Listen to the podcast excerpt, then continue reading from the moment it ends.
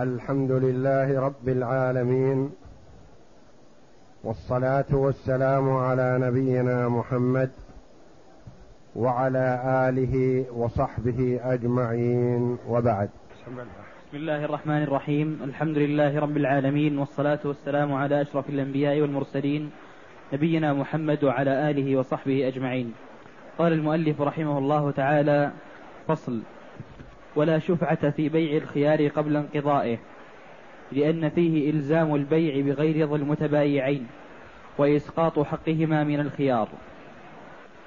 وقيل يؤخذ بالشفعة لأن الملك انتقل فإن كان الخيار للمشتري وحده فللشفيع الأخذ لأنه يملك الأخذ من المشتري قهرا. ويحتمل ألا يملكه لأن فيه إلزام البيع في حق المشتري بغير رضاه. قول المؤلف رحمه الله تعالى فصل ولا شفعة في بيع خيار قبل انقضائه. عرفنا أن الشفعة للشفيع بأن يأخذ المبيع بقيمته التي استقر عليها العقد.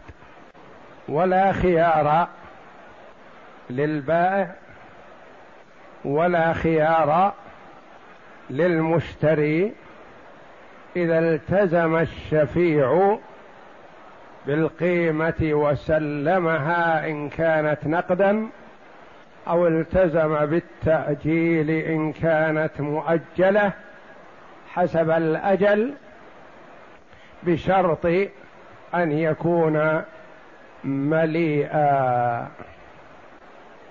لكن هنا البيع قد يكون فيه خيار.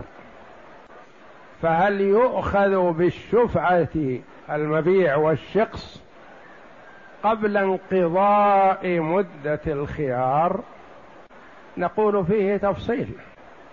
إن كان الخيار لهما يعني للبائع والمشتري فلا يؤخذ الشخص قبل مضي مدة الخيار لأن فيه إلزام لكل واحد منهما بالعقد وقد لا يختارانه.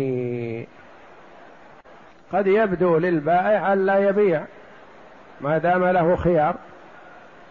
يبدو للمشتري ألا يشتري فيرد المبيع. صورة ذلك أن يبيع زيد على عمر شقص لمحمد فيه شراكة ويشترط كل واحد من زيد وعمر أن له الخيار إلى ما بعد صلاة الجمعة حسب وقت العقد. الاربعاء والثلاثة أو الاثنين قالوا كل واحد منا بالخيار إلى ما بعد صلاة الجمعة. فإذا تمت صلاة الجمعة ولم يراجع أحدهما الآخر فمعناه تم البيع. وإن عدل أحدهم عن البيع أو عن المشتري عدل عن الشراء فله ذلك.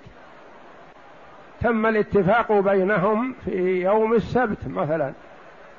والخيار إلى الجمعة. فهل للشريك صاحب الشراكة في هذا العقار مثلا أن يأخذ المبيع بما استقرت عليه القيمة؟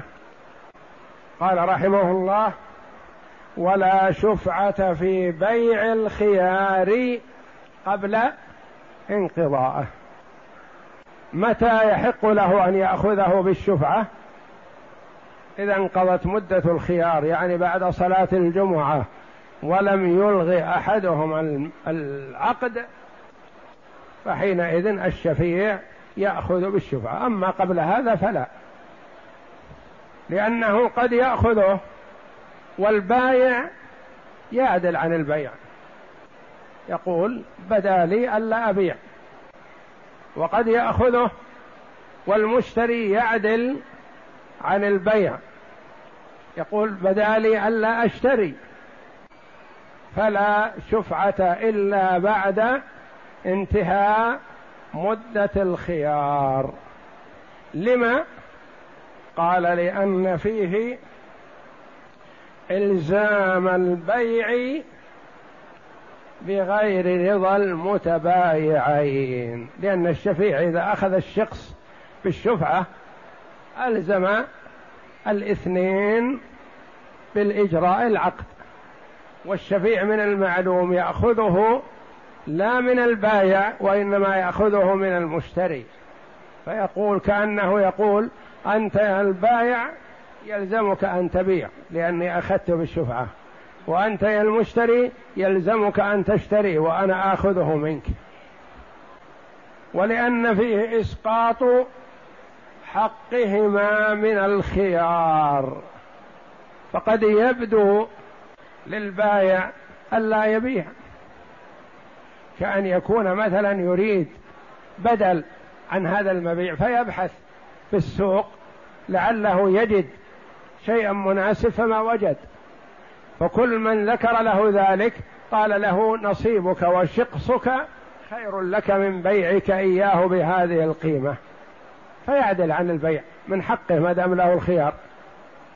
وإسقاط حق المشتري كذلك لأن المشتري قد يبدو له ألا يشتري وكونه يؤخذ منه بالشفعه قد يرد بسبب من الأسباب. وكونه مثلا يؤخذ منه بالشفعة يكون عليه عهدة عهدة هذا الشخص لأنه قد يشتري ويؤخذ منه بالشفعة فبعد يوم أو يومين يرد عليه بالعيب. والشفيع له الشيء الصافي له ما لا عيب فيه فإذا وجد فيه أدنى عيب رده. ثم الآخر قد لا يتمكن من رده بهذا العيب. يكون في مسؤولية على البايع وعلى المشتري وحرمان لكل واحد منهما من حقه الذي جعل له شرعا وهو الخيار. وقيل قول في المذهب يؤخذ بالشفعة لأن الملك انتقل. قيل يؤخذ بالشفعة لأن البايع رغب في البيع وباع إلا أنه شرط مدة الخيار. والمشتري اشترى وسيؤخذ منه فلا خسارة على المشتري. وقيل فيه تفصيل فإن كان الخيار للمشتري وحده فللشفيع أن يأخذه. يقول لك الخيار وأنا سأحل محلك وآخذه بالشفعة وأنت لك الخيار في الإمضاء والرد وأنا سأخذه منك. أمضيت أو رددت. لأنه يملك الأخذ من المشتري قهرا بخلاف البايع فالبايع ما يملك الشفيع أن يلزمه بالبيع قهرا. إذا كان له الخيار فله أن يرجع عن البيع. لكن المشتري الشفيع يأخذه منه قهرا. فيقول خيارك بين القبول والرد أنا سأخذه منك. لن يبقى في يدك. فإن كان الخيار للمشتري وحده فللشفيع الأخذ لأنه يملك الأخذ من المشتري قهرا ويحتمل الا يملكه. قول آخر. لأن فيه إلزام البيع في حق المشتري بغير رضاه لأن المشتري ما دام له الخيار وعرف أنه سيؤخذ منه بالشفعة يقول ماذا أستفيد؟ لن يأتيني لن يأتيني زيادة من هذا ولا ربح وإنما عهدة. عهدة. فأنا لا أرغب في الشراء الذي سيؤخذ مني بالشفعة. وقد تقدم لنا أن مثل هذه المسائل الخلافية والأقوال إذا تنازع فيها الطرفان فحكم الحاكم يرفع الخلاف. نعم. وللصغير الشفعة ولوليه الأخذ بها إن رأى الحظ فيها فإذا أخذ بها لم يملك الصغير إبطالها بعد بلوغه كما لو اشترى له دارا. وإن تركها مع الحظ فصل هذه الشفعة للصغير والصغير ما يملك البيع ولا الشراء وإنما الذي يشتري له ويبيع له وليه. فإذا كان هذا الصغير مثلا شريك مع عمه أو جاره أو مع أحد المسلمين في عقار ما وباع الشريك نصيبه. والصغير صغير ما يملك لا يبيع ولا يشتري. فهل لوليه أن يأخذ هذا الشقص بالشفعة. نقول إذا رأى الولي أن الأخذ للصغير بالشفعة فله أن يأخذ لأنه ينوب عنه ويسعى في مصالحه وما يستفيده ويحرص عليها فله أن يأخذ بالشفعة للصغير الذي يملكها ومثله المجنون ومثله المحجور عليه لخرف وكبر سنه وعدم إدراكه.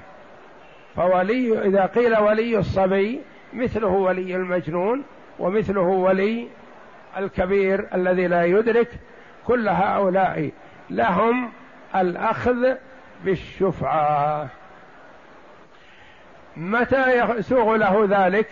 إذا رأى أن لصاحبه الحظ في هذه الشفعه أما إذا كانت الشفعه هذه فيها نقص على الصغير بيع هذا الشخص بأكثر من قيمته. وسيلزم الصغير بدفع قيمة أكثر. فمن المصلحة ألا يأخذه بالشفعة. إن رأى الحظ فيها فإذا أخذ بها لم يملك الصغير إبطالها بعد بلوغها شريك الصغير باع. ثم إن ولي الصغير قال آخذ هذا الشخص المبيع لهذا الصغير. بنفس القيمة التي بيع فيها بمائة ألف. فلما كبر الصغير وبلغ قال لا أنا ما أرضى بهذا الشخص مائة ألف لأن الأسعار تغيرت لأنه كان يساوي مائة ألف وأكثر لكن نزلت القيم وصار لا يساوي إلا سبعين أو ثمانين أو خمسين. قال الصغير ما أريد الشفعة ما أقبل الشفعة هل له ذلك؟ هو بلغ الآن ويملك التصرف. لكن هل يجاب لهذا؟ يقال لا. هذا مثل ما لو اشترى العاقل شيئا ما وبعد مضي سنوات نزلت القيمة هل يملك الرد؟ لا. فكذلك الصغير حينما اشترى له وليه فإنه لا يملك أن يرد هذا المبيع. نعم فإذا أخذ بها. فإذا أخذ بها لم يملك الصغير إبطالها بعد بلوغه كما لو اشترى له دارا. كما لو اشترى له وليه دار بمائة ألف. ثم لما كبر الصغير وبلغ قال لا أنا ما أقبل هذه الدار بمائة ألف أردها وآخذ مئة ألف أشتري بها أحسن من هذه الدار. هل يملك؟ لا لأنه تم البيع. وولي الصغير بمثابة الصغير مثل المالك. نعم. وإن تركها مع الحظ فيها لم تسقط وملك الصغير الأخذ بها إذا بلغ. وإن تركها مع الحظ فيها أو تركها مع عدم الحظ فيها فهل يملك الصغير أن يأخذها بالشفعة بعد بلوغه؟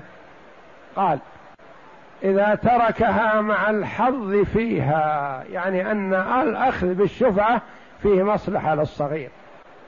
لكن الولي قال لا ما رأى هذا بنفسه إما مبرة للمشتري وإما لكون دراهم الصغير ليست حاضرة. تساهل. فلما بلغ الصغير وكبر وعرف قيل له هذه بيعت بكذا فله أن يأخذها بالشفعة لأن عرفنا تساهل الولي. أما إذا تركها لعدم الحظ فليس للولي للصغير أن يأخذ بها.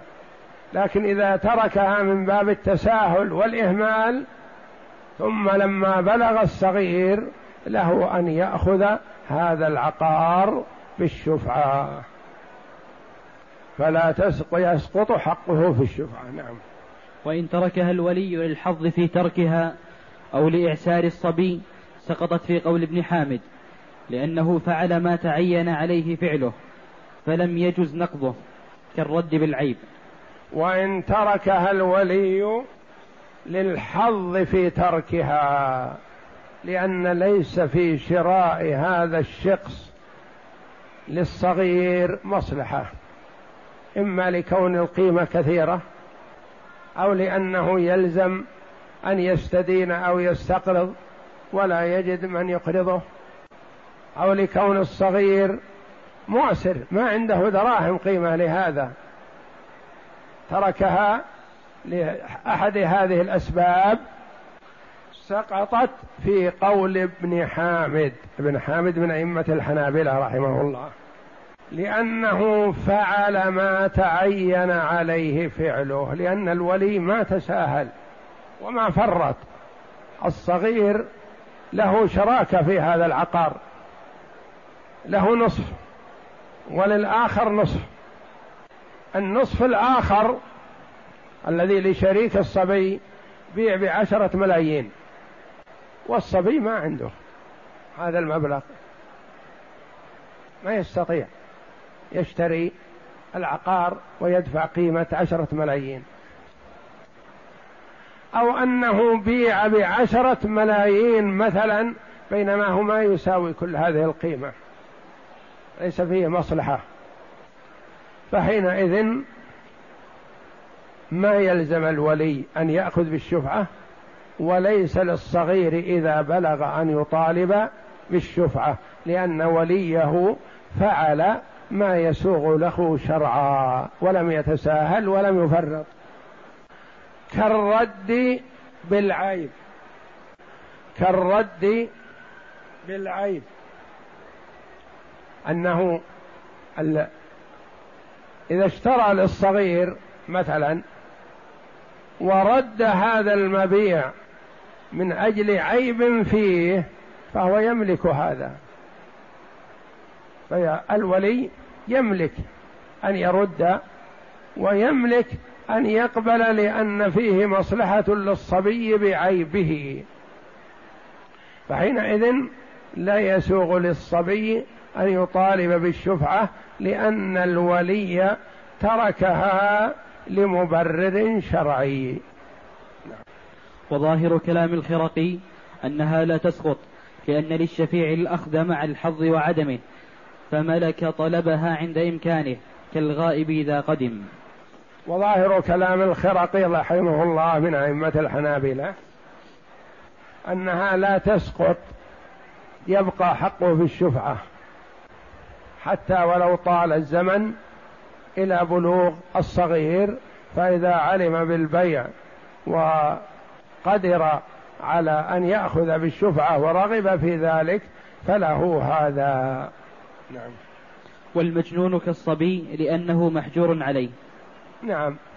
المجنون مثل الصبي مثل ما تقدم لأنه مثله في الحجر عليه ومثله الكبير المخرف الذي ولي عليه ولي فمثله. وإن باع الولي لأحد الأيتام نصيبا فله الأخذ بها للآخر وإن كان الولي شريكا. وإن كان الولي شريكا لم يملك الأخذ بها إن كان وصيا لأنه متهم.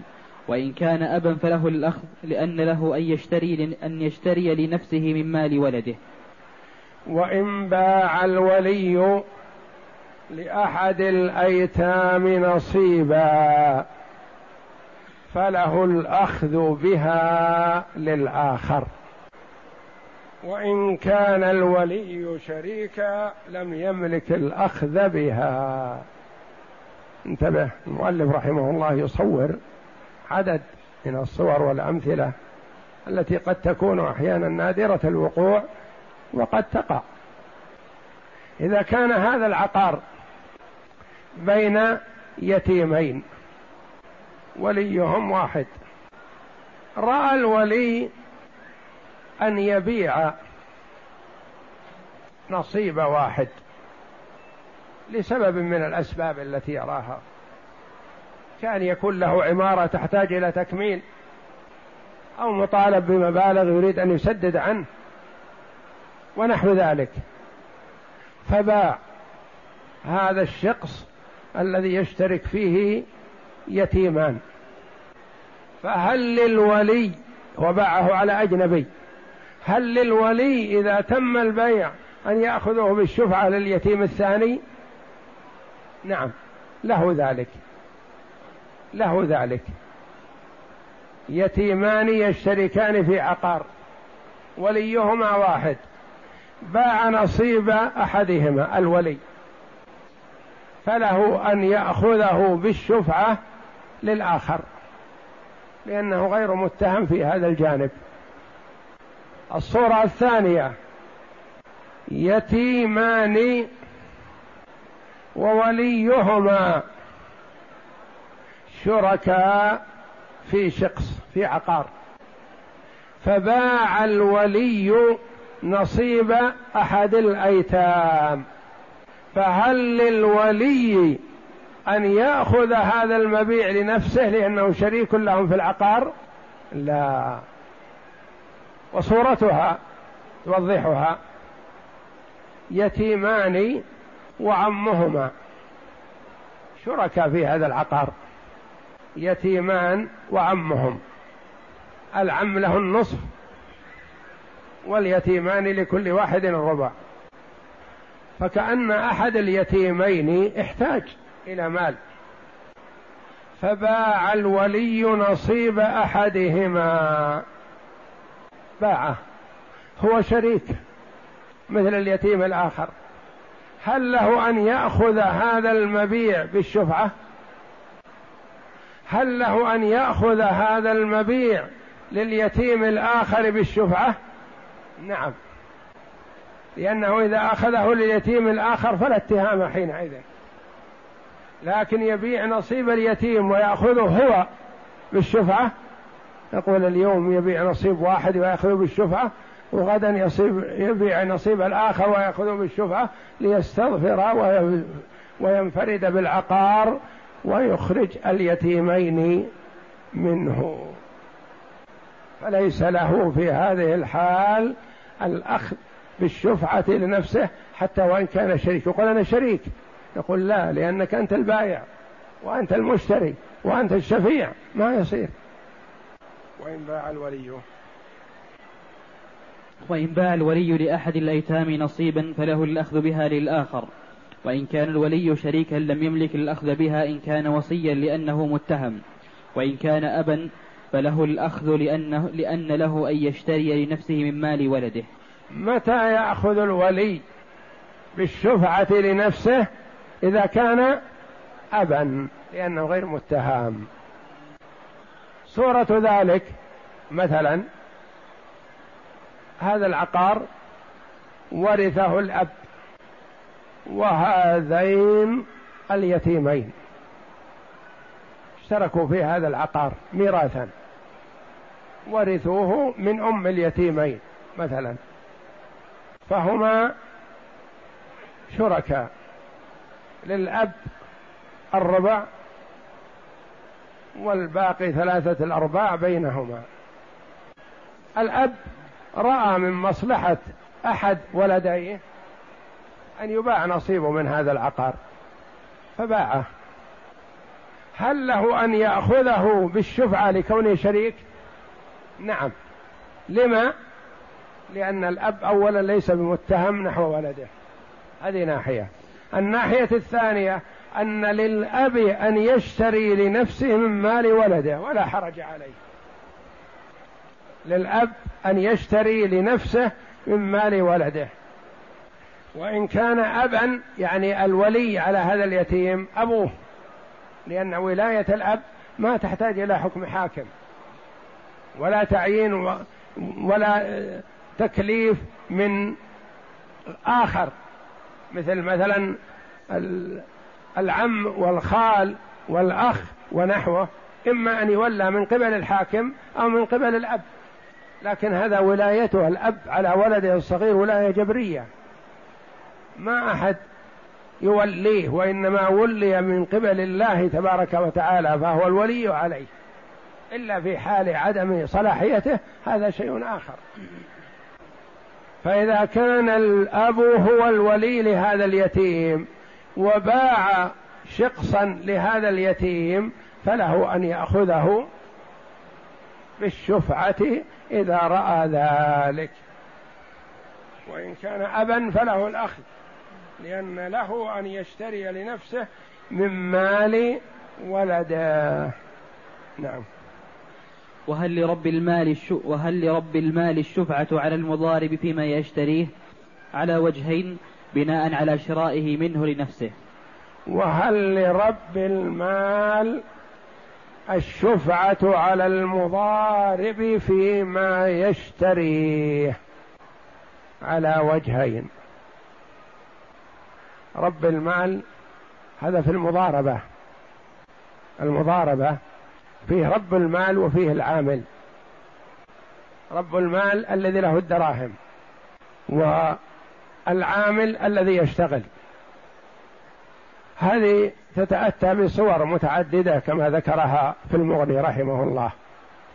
لكن منها الرجل أعطى دراهمه لآخر يضارب فيها يتاجر فيها. اشترى المضارب اشترى شقص من عقار مشترك مع آخر فاشترى هذا الشقص من الآخر. كأن المضارب يريد أن يكون العقار كله تبع المضاربة. فاشترى هذا الشقص مع ما قبله كان مملوك للمضاربة. فهل لرب المال أن يأخذ هذا الشقص من المضارب لنفسه بحكم الشفعة لأنه مالك للشقص الأول شريك لأنه شريك بماله. هل له ذلك؟ يقول المؤلف رحمه الله على وجهين. بناء على شرائه منه لنفسه. وتقدم في المضاربة في شراء رب المال من المضارب. هل له ذلك؟ قال في المضاربة فيما تقدم فصل وإن اشترى رب المال شيئا من مال المضاربة لم يصح. في إحدى الروايتين والرواية الأخرى تصح. اشترى رب المال من المضارب شيئا من مال المضاربة لم يصح. لما؟ لما قيل لا يصح؟ لأنه اشترى ماله. لأن مال المضاربة رأس المال له والشريك المضارب ما له إلا من الربح وإلا رأس المال له فهو كأنه اشترى. اشترى ماله لنفسه وهو أصلا ملكه وهنا على الروايتين على اللي رواية تقول يجوز فعلى هذا يجوز لرب المال أن يأخذ بالشفعة من المضارب وعلى من يقول لا يجوز أن يشتري رب المال من المضارب فكذلك لا يسوغ له أن يأخذ بالشفعة. فصل ولا شفعة لكافر على مسلم لما روى أنس عن النبي صلى الله عليه وسلم قال لا شفعة لنصراني رواه الدار قطني.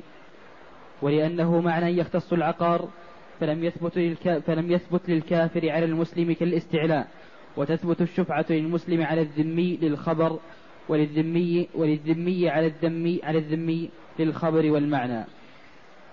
ولا شفعة لكافر على مسلم.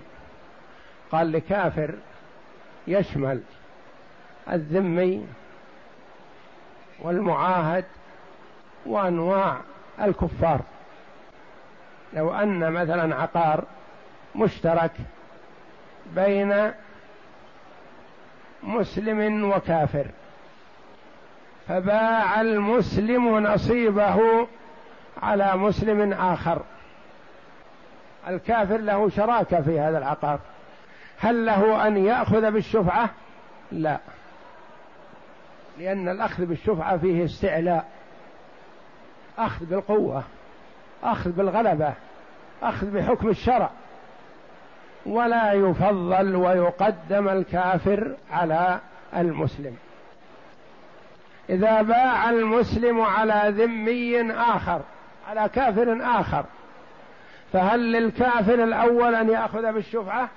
نعم لأنه يأخذ من مثله. وإلا فالكافر لا يأخذ بالشفعة من إذا اشترى المسلم. لكن إذا اشترى كافر مثله فله أن يأخذ. وهذا معنى قول رحمه الله ولا شفعة لكافر على مسلم. يعني ما يأخذ الكافر الشقص من المسلم بالشفعة. لما؟ لما روى أنس رضي الله عنه أن النبي صلى الله عليه وسلم قال لا شفعة لنصراني. يعني ليس للنصراني شفعة على المسلم. رواه الدار قطني ولأنه معنى يختص العقار فلم يثبت للكافر على المسلم كالاستعلاء يعني ما يجوز أن يستعلي الكافر على المسلم وإنما يكون أقل منه وأدنى منه. ولهذا لا يجوز للمسلم أن يكون أجيرا عند كافر في خدمته الخاصة. بخلاف عمله الذي يعمل به الآخرون فله ذلك. يعني ما يجوز أن يكون مسلم طباخ ولا قهوجي ولا منظف ولا فراش لكافر. لكن يجوز أن يعمل عنده كمدير شركة أو مسؤول مبيعات أو آمر أو ناهي له ذلك. لأنه ما يجوز أن يستعلي الكافر على المسلم وأما من حيث الإجارة ونحو ذلك ويكون مدير شركة أو مدير أعماله ونحو ذلك فهذا مثل كون الصحابة رضي الله عنهم يؤجرون أنفسهم على اليهود في مدح الدلاء المياه, المياه بعدد من التمرات. يعني يكون يعمل له مثلا أو يعمل له مقاولة بنا بيت أو نحو ذلك يسوغ هذا لكن ما يكون خادما له وتثبت الشفعة للمسلم على الذمي إذا كان البايع أيا كان مسلم أو ذمي. والشريك مسلم والمشتري ذمي فالمسلم يأخذ العقار بالشفعة بحكم شراكته. وتثبت الشفعة من الذمي للذمي لأنهما مستويان. والله أعلم. وصلى الله وسلم وبارك على عبده ورسول نبينا محمد وعلى آله وصحبه أجمعين.